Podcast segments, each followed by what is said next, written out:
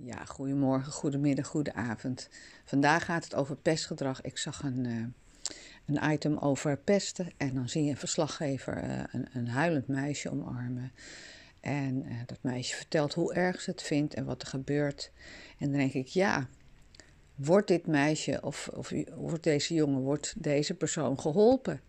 Dat hoop ik dan maar. Dus ik dacht, ik ga er een item over maken om een stukje, een tipje van de sluier op te lichten wat het nou eigenlijk is en wat je eventueel zou kunnen doen. Ik bereid het eigenlijk nooit voor. Uh, mijn podcasts komen echt uit mijn koker van, nou ja, wat ik heb opgebouwd in meer dan 25 jaar coaching. En natuurlijk mijn eigen ervaringen. Um, wat er uh, bewustwording, uh, dat de bewustwording waarom dit in de openbaarheid komt, is natuurlijk wel van belang. Mensen moeten natuurlijk weten wat het met je doet.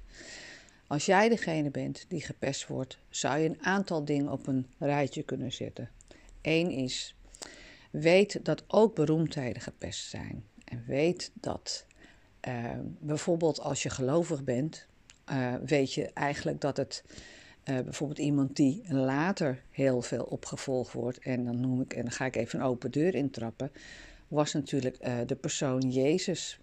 een persoon Gandhi heel veel beroemdheden en heel veel uh, zeg maar acteurs en heel veel mensen die nu ook beroemd zijn, die worden ook nog steeds gepest. Als ik, uh, en dan schaar ik me niet onder een beroemdheid, als ik een filmpje over slankheid en fitheid uh, in een advertisement zet, kan het ook wel eens gebeuren dat mensen zeggen van, nou dan moet je dit of dat doen, of dan gaan ze me afkraken. En dan denk ik, en ik hoop dat jij dat ook gaat doen, wat is nou de reden? Wat heb ik nou getriggerd bij jou dat jij zo haatdragend moet zijn? Ik ben natuurlijk heel sterk uh, in de vorm van dat ik natuurlijk ook weet waarom mensen plagen en waar de triggers zijn. Want het zegt inderdaad letterlijk meer over hunzelf dan over uh, mij of jou. In mijn geval was het ook zo. Uh, ze hadden het bijvoorbeeld over: ik heb nooit een beugel willen dragen. Um, ik zou inderdaad uh, bijvoorbeeld facings kunnen nemen of ik zou een whitening kunnen nemen. En dat ga ik misschien allemaal nog wel nemen uh, als ik daar de tijd en ruimte voor neem. Maar ik denk ook altijd van, weet je, uh, we hoeven niet volmaakt te zijn. Jij hoeft ook niet volmaakt te zijn. Dus ik stuur eigenlijk altijd liefde naar de persoon. En ik denk altijd van, wauw, wat moet het met jou zijn dat jij gaat zoeken naar onvolmaaktheden in mij, om mij heen of in hetgeen wat ik aanbied. En dan kan ik alleen maar glimlachen en zeggen: Goh, nou daar en daar heb je gelijk over. En uh, nou ja, soms kan je hulp aanbieden, maar dat is in mijn geval als coach. Maar je kan altijd nadenken van wat is nou hetgene, wat is nou de beweegreden waarom ik gepest word. Allereerst is het van belang dat jij in je kracht komt te staan. En in je kracht komt te staan is dat je eigenlijk, en dat is in NLP zo, dat jij moet leren om vanuit je kracht uit te stralen. In de NLP is het zo: fake it until you make it. Dus kijk even naar. We komen natuurlijk allemaal. Ik zal eerst een verhaal vertellen over natuurlijk het reptiele brein. Het reptiele brein dat heeft dus te maken met hè, de evolutie uh, in de vorm van groei. Uh, ik geloof in de kosmos en het universum. Uh, en hoe we hier zijn ontstaan is ergens wel met een doel.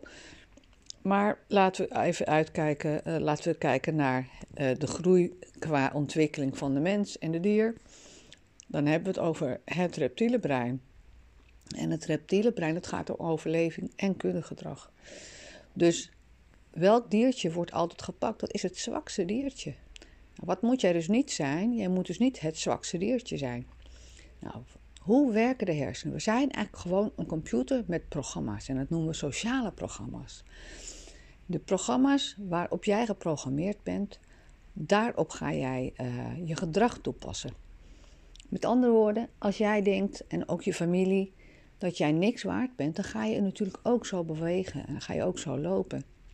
Dan kan je je voorstellen dat als iemand het nodig heeft om bijvoorbeeld stoer te zijn tegenover je vrienden, gaat hij niet de sterkste man of de sterkste vrouw uitpikken die kracht uitstraalt en die denkt: wauw, dan krijg ik een pak slaag terug. Nee, dan zoeken ze natuurlijk het reetje, wat een beetje, uh, het reetje, het hertje bedoel ik, die eigenlijk uh, mank loopt en een beetje het zielige zwakke konijntje is. Dus nooit het zielige zwakke konijntje zijn. Dus wat je moet doen in de NLP is het zo dat je eerst je fysiologie, dus je gedrag moet aanpassen. Dus ga staan vanuit je kracht. En wat helpt dan vaak als je zeg maar uh, dit moet ontwikkelen? Ga naar judo, ga naar taekwondo, ga een vechtsport leren. Ga absoluut zorgen dat jij en je lichaam één zijn. Dat jij vanuit je kracht ook een verweer kan voeren. Um, dan moet ik ook nog even ervaring vanuit het verleden even putten. Ik kom uit een familie die best wel uh, slim en, uh, en, en proud uh, is over het hele familiegebeuren en de intelligentie van onze familie. Maar wat hebben mijn ouders vroeger besloten? Die besloten om Jehovah-getuige te worden. Kan je je voorstellen? Ik was negen en mijn ouders werden opeens Jehovah-getuige. Dus ik was gewoon een, een, een, een, eh, een mooi, leuk, lief, eh, blond meisje. Uh, wij wonen in Amsterdam. En opeens uh, ja, werd ik een beetje in een ander uh, daglicht gezet. En dat, dat was gedwongen, want wij mochten bijvoorbeeld geen kerstmis. We mochten niet mee op schoolreisje. En we mochten ook niet met verjaardagen mee. En we mochten eigenlijk ook niet omgaan met mensen die vanuit die, nou ja, dat noemen ze dan in de wereld waren. Nou, dat zijn al vier, vijf punten waarop je jezelf in, op een soort eiland zet. Kan je je voorstellen dat als ik een zielig, krachteloos meisje was geweest, nou, dan was ik best wel het slachtoffer geweest. En ik zat te denken van, heb ik die ervaringen meegemaakt? Toen dacht ik, ja, ik heb het wel meegemaakt. Maar mijn ouders waren toch wel hele krachtige personen. Wij werden geconditioneerd uh, als je hoofdgetuige dat wij, zeg maar, het uitgevoren, en dat ben ik nu niet meer, hè, het uitverkoren volk waren en dat de rest van de wereld vernietigd zou worden. Nou, bizar verhaal natuurlijk. Dus wij waren zeg maar het koningsmateriaal en wij zouden dan in het paradijs komen. En de rest van de mensen, die moesten dan maar overtuigen en redden. En uh, nou, wij waren de beste. We, ook, hoefden dus ook eigenlijk niet uh, te gehoorzamen aan het politieke systeem. Nee, wij waren het. Nou, dan kan je je voorstellen dat je, dat je op een andere manier heel krachtig staat tegenover mensen die nou ja, een, uh, in een andere wereld zitten. Dat betekent dat ik natuurlijk geplaagd werd, maar ik was natuurlijk zo geconditioneerd. En het werd dus vijf keer per week aan de vergadering. Dat, bedoel ik mee. Dus als je je gedachten vol zet met van ah, ik ben bijzonder, ik ben bijzonder. Dan is dat net als een computerprogramma. En dat zijn we, onze hersenen zijn een computerprogramma. Dat noemen we conditionering. Dat betekent als je dat maar heel vaak tegen jezelf zegt en ook op de juiste manier gaat lopen, gaat reageren, dan gaan de hersenen gaan dat registreren. Dus het eerste is dat je je fysiologie en je kracht uit gaat stralen. Dan natuurlijk ga je jezelf, zeg maar, programmeren hè, in je inner voice, je innerlijke stem, dat jij bijzonder bent. En ga nou eens kijken vanuit je lichaam naar degene die je plaagt. En kijk eens, wat is hetgene wat die persoon nou wil hebben? Het is best wel verdrietig en zielig als iemand natuurlijk uh, om maar stoer te zijn, om maar bewondering en respect te krijgen. dat hebben ze vaak in het uh, uh, clubsysteem. als je lid bent van een groep, ja, dan gaan ze dus, moeten ze zichzelf bewijzen. Zo is het eigenlijk. En je kan het natuurlijk niet helemaal voorkomen. Ehm, hè, als je aangevallen wordt of, of ja, het is niet altijd te voorkomen, maar je wordt minder snel het slachtoffer als je krachtig bent. Dus ga alsjeblieft uh, met een coach. En je bent ook altijd welkom. Je kan altijd even een uh, half uurtje, mag je even met me praten. Dus altijd gratis. En nou, wat we doen is in het buitenland altijd trainingen. Dan gaan we op maat werken. We werken met groepen. We werken één op één. De verzekeraar vergoedt. Dus is altijd iets. Heb je een trauma, gaan we natuurlijk daaraan werken. Mijn skills als therapeut en coach is natuurlijk altijd op maat. Dus wij gaan altijd kijken vanuit de trauma's. Want als je veel trauma's hebt gehad, dus elk incident wat enorm veel uh, invloed heeft, dat wordt geregistreerd in de hersenen. En je moet het zien als een soort een scar in een woeden, uh, in, in, in hout, zeg maar. Dat is een litteken. Wij registreren dat litteken via bepaalde meettechnieken. En wij gaan dat via, uh, dat, dat noemen we neuro-emotionele integratie en NLP, gaan we het helemaal overschrijven. Is net als een computerprogramma. We gaan het mapje pakken en we zetten het in een andere mapje of we laten het verdwijnen. Nou, en zo werken we al. Hè. Dat is een hele mooie techniek. We werken natuurlijk met mensen met PTSS.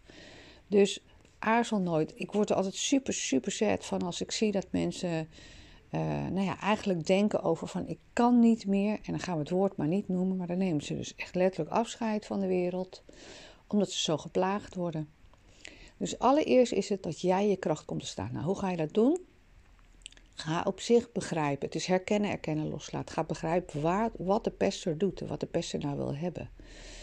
En uh, er zijn verschillende manieren om hiermee om te gaan. Uh, als mensen iets tegen je roepen, dan kan je denken: ja, dat heb ik. Nou, in mijn geval had ik het. Uh, ik ben ooit eens, zeg maar, op de lagere school was iemand die me altijd uh, die me opwachtte, een jongetje. Nou ja, dat incident herinner ik me nog schijnbaar. Had ik daar toch best wel last mee. Die wachtte mij op. En ik dacht, nou, wat moet ik doen? Nou ja, ik was natuurlijk best wel een tenger meisje. En ik heb die jongen gepakt. Hij begon te vechten en ik, ik heb teruggevochten en ik heb ook nog gewonnen. Ik weet nog echt, het incident was ergens in de modder. Uh, Bijlmer, aanbouw.